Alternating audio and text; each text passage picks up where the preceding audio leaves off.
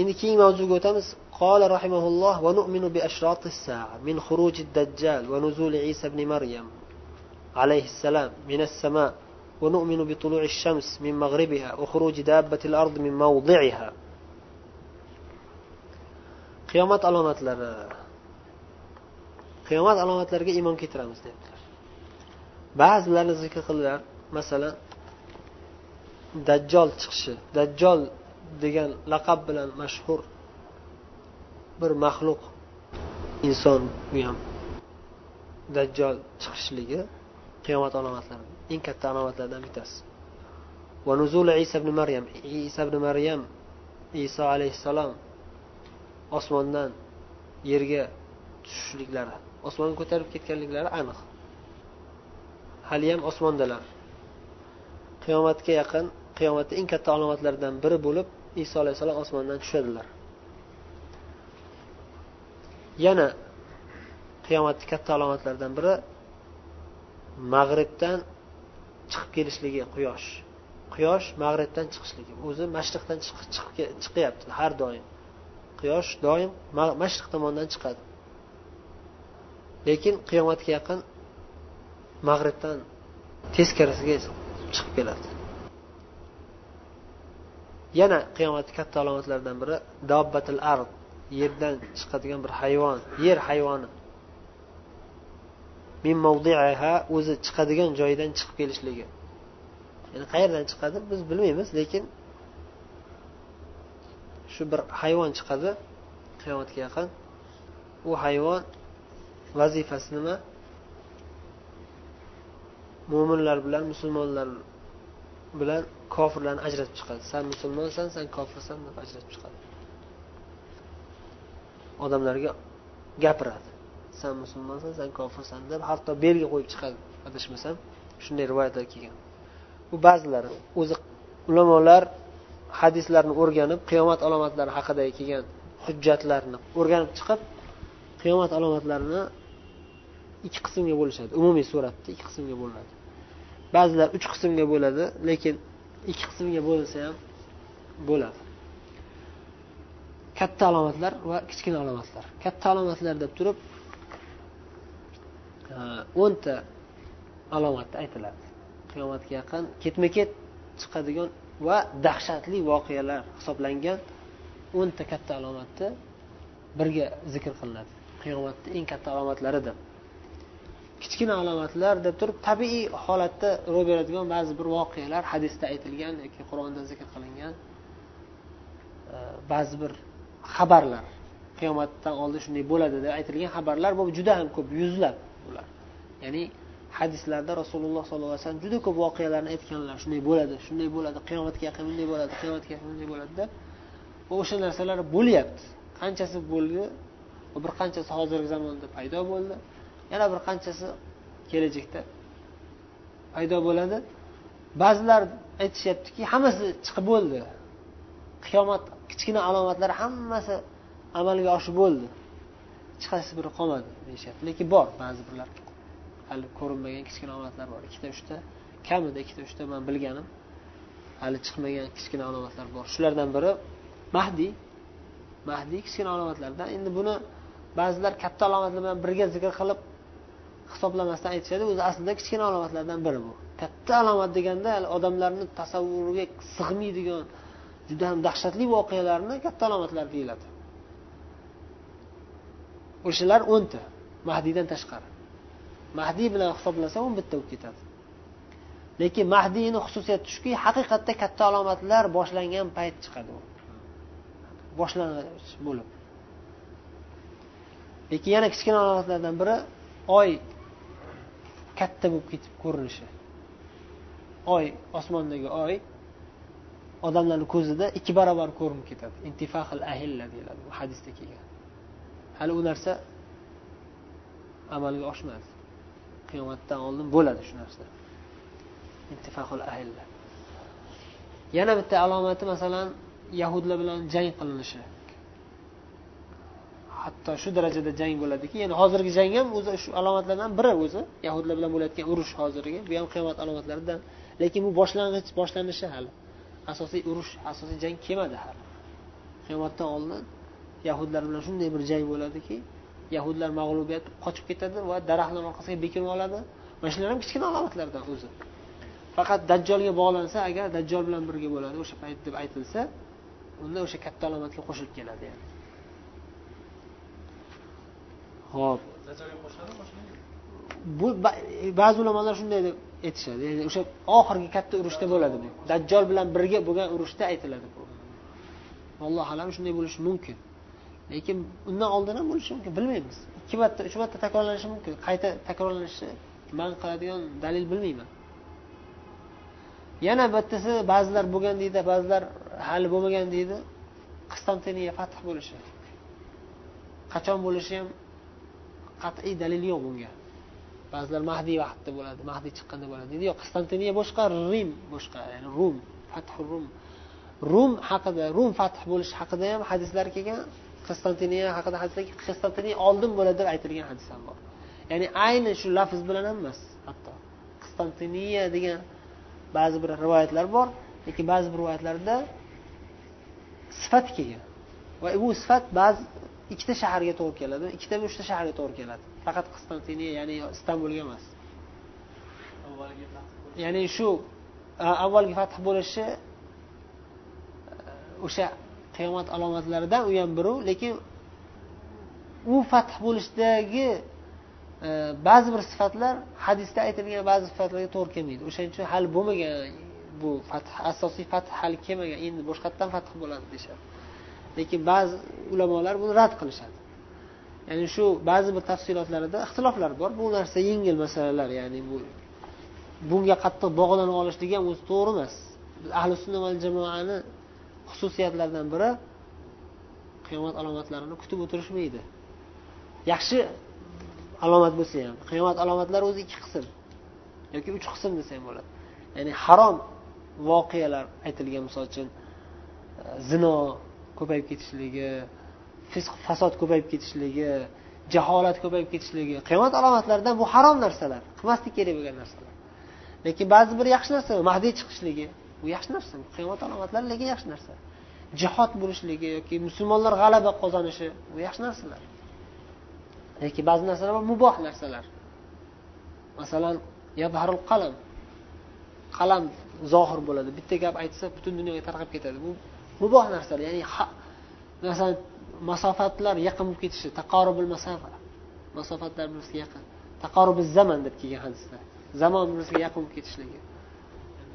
Internet yoki televizor yoki moshinalar yoki samolyotlar bu narsalar muboh narsalar yani. qiyomat alomatlari umuman olganda ikki qism dedik katta alomatlar o'nta alomatlar. Kichkina alomatlar ko'p judayam yuzlab. Va ularni aksariyati chiqdi bo'ldi sodir bo'ldi. Va ba'zilari qoldi hali chiqmagan. Ba'zilari hozirgi zamonda davom etyapti. Davom etayotganlarni bir hozir ba'zilarini zikr qildik. Ayollarni buzilib ketishligi masalan fasod ko'payib ketib harom narsalarni halol qilib olinishligi aroq harom muzika harom shularni halol deb davo qilishlik qiyomat alomatlaridan bu ham. Ulamolar o'lib ketishligi qiyomat alomatlaridan. Katta katta ulamolar ketib qolishligi. Johil odamlar olim bo'lib olishligi olimlikni davo qilib olishligi bu ham qiyomat alomatlaridan. Hozirgi zamonda ko'p tarqalib ketgan narsalardan. Alloh o'zi gunohlarimizni kechirsin. Vabo kasalliklar tarqalishligi bu ham qiyomat alomatlaridan.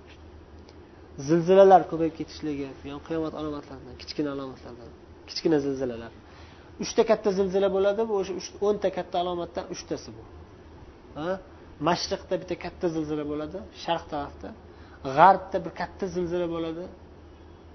Va jaziratul arabda mana shu arab jazirasida bitta katta zilzila bo'ladi. Bu hali bo'lmagan. Katta alomatlardan uchtasi bu. Zilzilalar uchta katta zilzila. Mashriq mag'rib o'rtada jazirat jaziratul arabda uchtasi. Yana qolgan yettitasi ba'zilari zikr qildik mana dajjol dajjol hisoblasak hozir to'rtta bo'ldimi? Iso ibn maryam tushishlari beshta bo'ladi. Dabbatil ard oltita. Quyosh mag'ribdan chiqishligi yettita. Yajuj majuj chiqishligi sakkizta. Ha? Yo'q. Nimay aytdik quyosh aytdik. yana ikkita qoldimi? Katta alomatlardan ikkitasi qoldi. Yo'q yo'q yo'q u kichkina alomatlardan. Olov chiqishligi mana. Narun tahruju minal yaman. Ya'ni imom muslim rivoyat qilgan hadisda bitta zikr qilingan bular. O'nta katta alomat birga zikr qilingan mana bitta bitta sharhda zikr qilibdilar. Rasululloh sollallohu alayhi vasallam aytdilarki o'nta alomat o'nta oyat zohir bo'lmaguncha sizlar shu o'nta oyatni o'nta alomatni ko'rmaguninglargacha qiyomat qoyim bo'lmaydi deb turib shularni zikr qilganlar. Biz hozir sakkiztasini zikr qildik ikkitasi qolgandi. O'sha bittasi olov yaman tarafdan chiqadigan olov. Odamlarni mahshariga haydaydi. Ya'ni quvlab yuradi. Odamlar qochib kelib qochib qochib qochib u yoqdan o'rab keladi bu yoqdan o'rab keladi. Oxiri odamlarni haydab haydab bir joyga to'playdi. Arzi mahsharga to'playdi.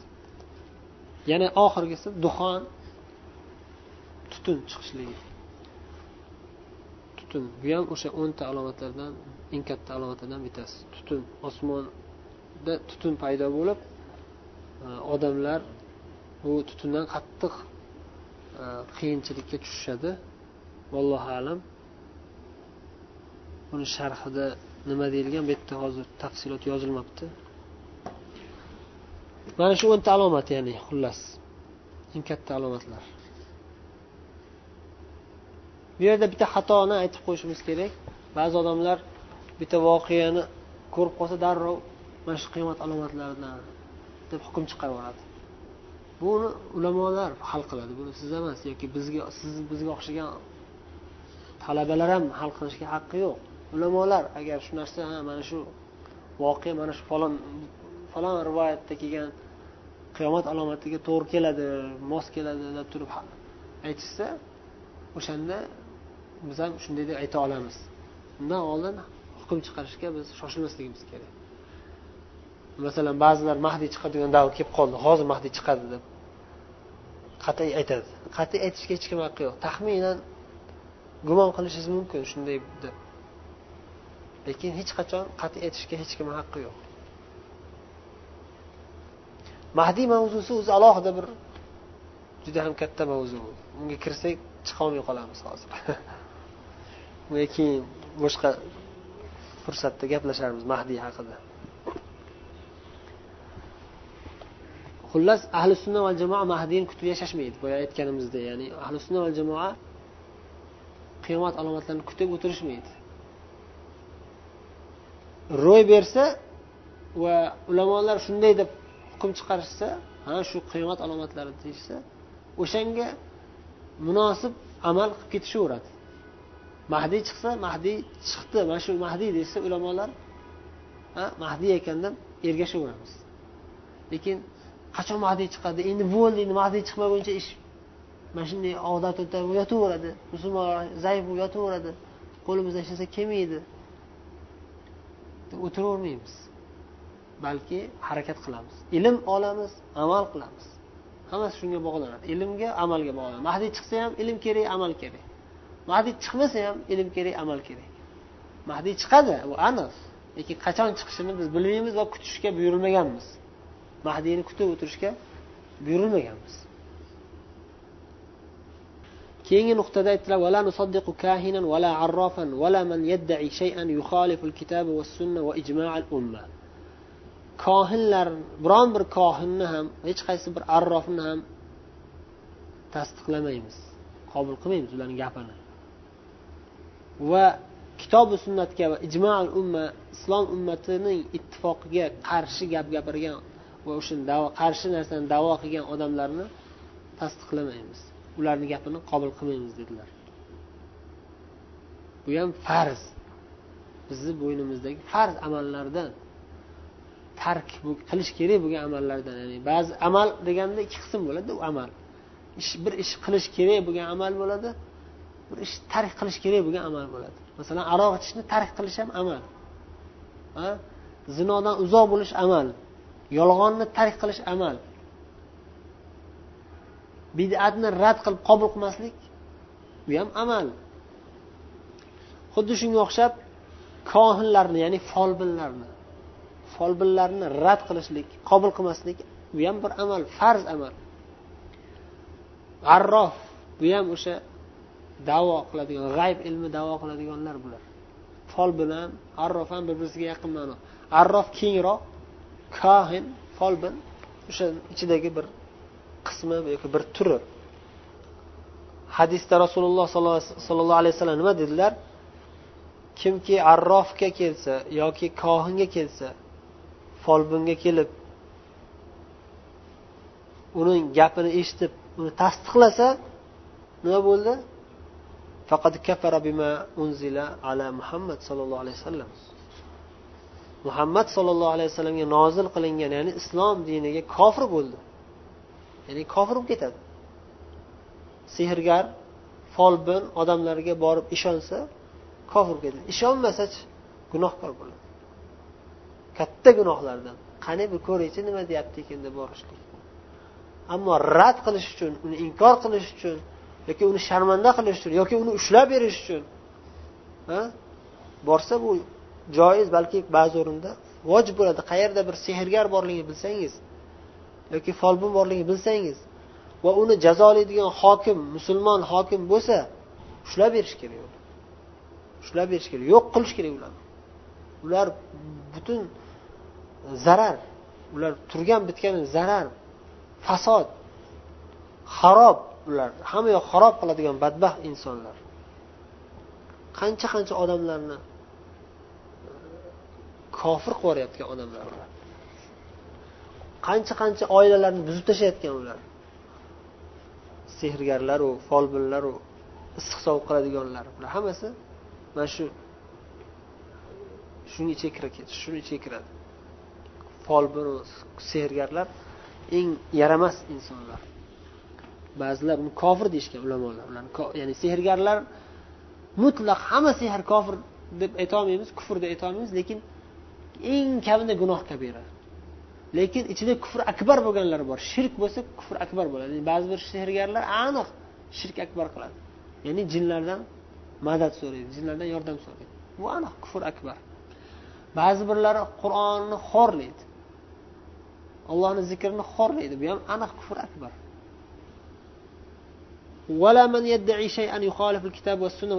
Dedilar kitobu sunnat ijmoni rad qilib yoki unga qarshi chiqib bir gap davo qilib chiqsa bir bir davo bilan chiqsa bu odam ham juda katta gunoh ish qilgan bo'ladi va ba'zida kufrga ketgan bo'ladi buni rad qilishlik farz buni inkor qilishlik farz bizga masalan qur'oni sunnat ya'ni ochiq oyat oyat kelib tursa yo'q yo'q bunaqa emas deb ustozini olib ketsa bu katta gunoh bu qur'onda ochiq aytib qo'yilgan debsa qur'onni qabul qilmasa bu katta gunoh. Agar ya qur'onda bo'lsa ham kerak emas manga desa kofir bo'ladi. Ikki daraja ikkalasi ham yomon. Bittasi sal kofir bo'lib ketmasa ham kofir bo'lib ketmasa ham juda xatarli gunoh. Misol uchun ochiq oyat yoki ochiq hadis tursa yoki butun islom ummati ittifoq qilgan masala bo'lib tursayu bo'lsa yo biz ustozimizni gapini qabul qilamiz deb turib ustozini gapiga qabul qilsa bu gunoh kabira.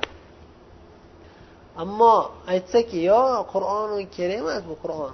U qur'on o'sha eski davrlarga bu eski zamonlarga bu hozirgi zamonga to'g'ri kelmaydi desachi. Bu kofir.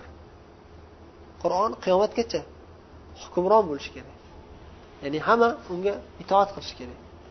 Qabul qilish kerak qur'on hukmini.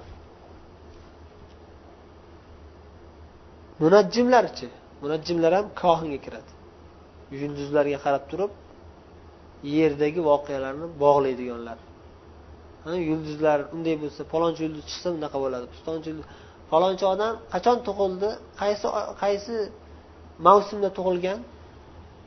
O'shanaqa narsalarni bog'laydiganlar osmondagi yulduzlardagi yulduzlarni chiqishiga qarab o'sha yulduzlarni mavsumiga qarab odamlarni tavalludini hukmi ustidan o'sha falonchi mavsumda tug'ilsa man otini esimdan chiqib turibdi hozir ot yili deydimi e, cho'chqa yili deydimi bilmayman. Ana shularga bog'lashlik bu ham shirk. Shirk asg'ar. Agar haddan oshsa shirk akbarga ketib qoladi. Ya'ni bir sabab bu desa u shirk bo'ladi shirk asg'ar bo'ladi. Yo bu o'zi shunday deb mana shu bevosita shunday amalga oshiradi desa u kufr akbar bo'ladi shirk akbar bo'ladi. Masalan sabab bu desa misol uchun palonchi yilda tug'ilsa bunaqa bo'ladi bu odam. Badbaxt odam bo'ladi baxtsiz odam bo'ladi kambag'al bilan yashaydigan odam bo'ladi. Bunday bunday yulduzlarga bog'lab. Bu agar sabab bu desa shirk asg'ar bu. Hech qanaqa sabab emas bo'lgan narsani sabab qilib qo'yyapti shirk asg'ar bo'ladi. Yo agar o'sha yulduz bevosita shunday qiladi yulduz hukmroni shunga ta'sir qiladi bevosita desa u yulduzga ilohiyatni bergan bo'ladi shirk qilib qo'ygan bo'ladi shirk akbarga o'tib ketib qoladi. Lekin yulduz ilmida halol bo'lgan ilm shuki yulduzni masalan har xil yulduzlar bor har xil tomondan chiqadi har xil tartibda bo'ladi. O'sha bilan o'rganib turib o'shanga qarab turib shimol bu yoqda sharq bu yoqda janub bu yoqda yoki bahor kelyapti masalan yoki yoz kelyapti yozda mana bu yulduz chiqadi bahorda mana bu yulduz chiqadi. Tartibni biladi bu yulduz ilmidan xabardorligi ya'ni faqat tartiblarni bilgan. Yulduz ta'sir qiladi emas yulduz shu muayyan bir tartibda bo'lgan. Mana shu ilm bu joiz ilm ya'ni. Bu joiz bo'lgan ilm.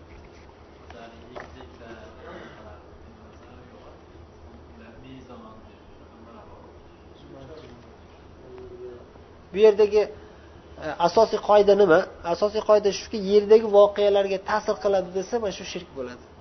Bu harom. Yerdagi voqealarga ta'sir qilmaydi. O'zi shunday tartib bo'lib qolgan. Masalan falonchi yulduz mana shu yerda chiqsa shimol bu yoqda bo'ladi. Yoki falonchi yulduz chiqsa demak bahor fasli keldi. Chunki bu yulduz doim shu vaqtda chiqadi. Shu vaqtda ko'rinadi mana shu yulduz. Deb yulduzlarni biladi ya'ni bu tartibini biladi ya'ni bu joiz. Yerga hech qanaqa ta'siri yo'q. Olloh shunday tartiblab qo'ygan deydi. Tushundingizmi? Olloh shunday tartiblab qo'ygan. Mana shu yulduz chiqdi demak yoz keldi. Mana shu yulduz chiqdi demak e, yoz fasli tugayapti. Unday bunday tartibini biladi misol uchun. Yoki bo'lmasa mana bu yoqqa yursak shimol. Nimaga? Hujjating qani desa chunki yana bu yulduz mana bu yerda turibdi. Mana bu tartibda bo'lsa shimol bu yoqda bo'ladi. Bu joiz. Endi bilish. Dedi alloh taolo. Qur'onda xabar berdiku hum yahtadun. Yulduz bilan ular yo'l topadilar dedi. Yo'l topadi. Yo'l topish deganda faqatgina shimol janub emas balki o'sha yoz faslini qish faslini bilishlik ham bu yo'l topish ya'ni ya qish qish fasli yaqin qolibdi issiq kiyimlarni kiyaylik e, tayyorlab qo'yaylik qishga tayyorgarlik ko'raylik degan narsa bor bu yerda ya'ni ko'p har xil tomonlari bor ya'ni. Mana shu joiz ya'ni allohu alam. Ulamolar shunga fatvo berishgan. Mana qotadani so'zlarini zikr qilaylik yulduzlarni olloh uchta hikmat bilan yaratgan deyaptilar. Birinchisi osmonlarni ziynatlash uchun osmonni ziynatlash uchun. Chiroyli turadi. Osmonga qarasangiz yulduzlar chiqib tursa kechasi qanday bir go'zal qanday bir ta'sirli haqiqatda. Makkadan kelayotganda yoki makkaga borayotganda kechasi yo'lda to'xtab bir tomosha qilinglarda. Osmondagi yulduzlar. Ajoyib. Qop qorong'i joyda bo'lishi kerak. Ya'ni svetlar nurlar bor joyda uncha ko'rinmaydi. Qop qorong'i joyda to'xtab turib osmonga qarang minglab yulduzlar chiroyli bir subhanalloh ollohni qudrati. Demak birinchisi hikmati birinchi hikmati osmonni ziynati uchun dedi ikkinchisi. Shaytonlarni toshbo'ron qilish. Shaytonlar osmondan g'ayb haqidagi xabarlarni eshitib olish uchun bir birisini ustiga chiqib narvonga o'xshab ulanib ulanib ulanib osmongacha ulanib chiqadi shaytonlar. Shu darajada ko'p. Va maloikalar gaplashib o'tirishgan narsalarni eshitib olishga harakat qiladi ular.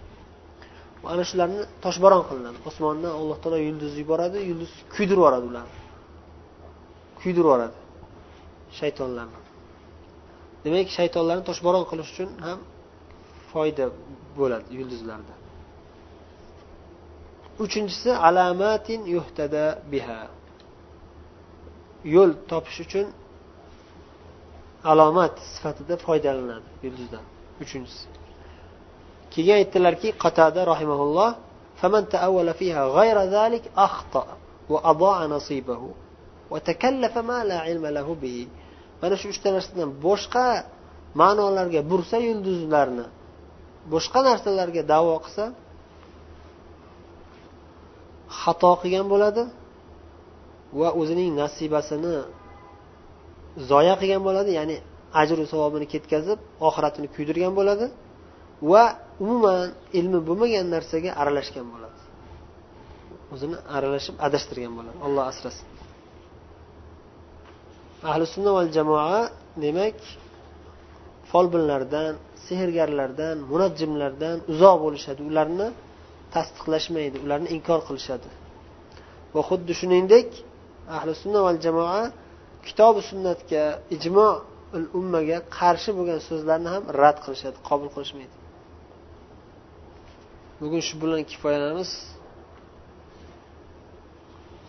oxirgi dars qoldi keyingi boshqa bir fursat kelganda inshaalloh o'tamiz سبحانك اللهم وبحمدك نشهد أن لا إله إلا أنت نستغفرك ونتوب إليك السلام عليكم ورحمة الله وبركاته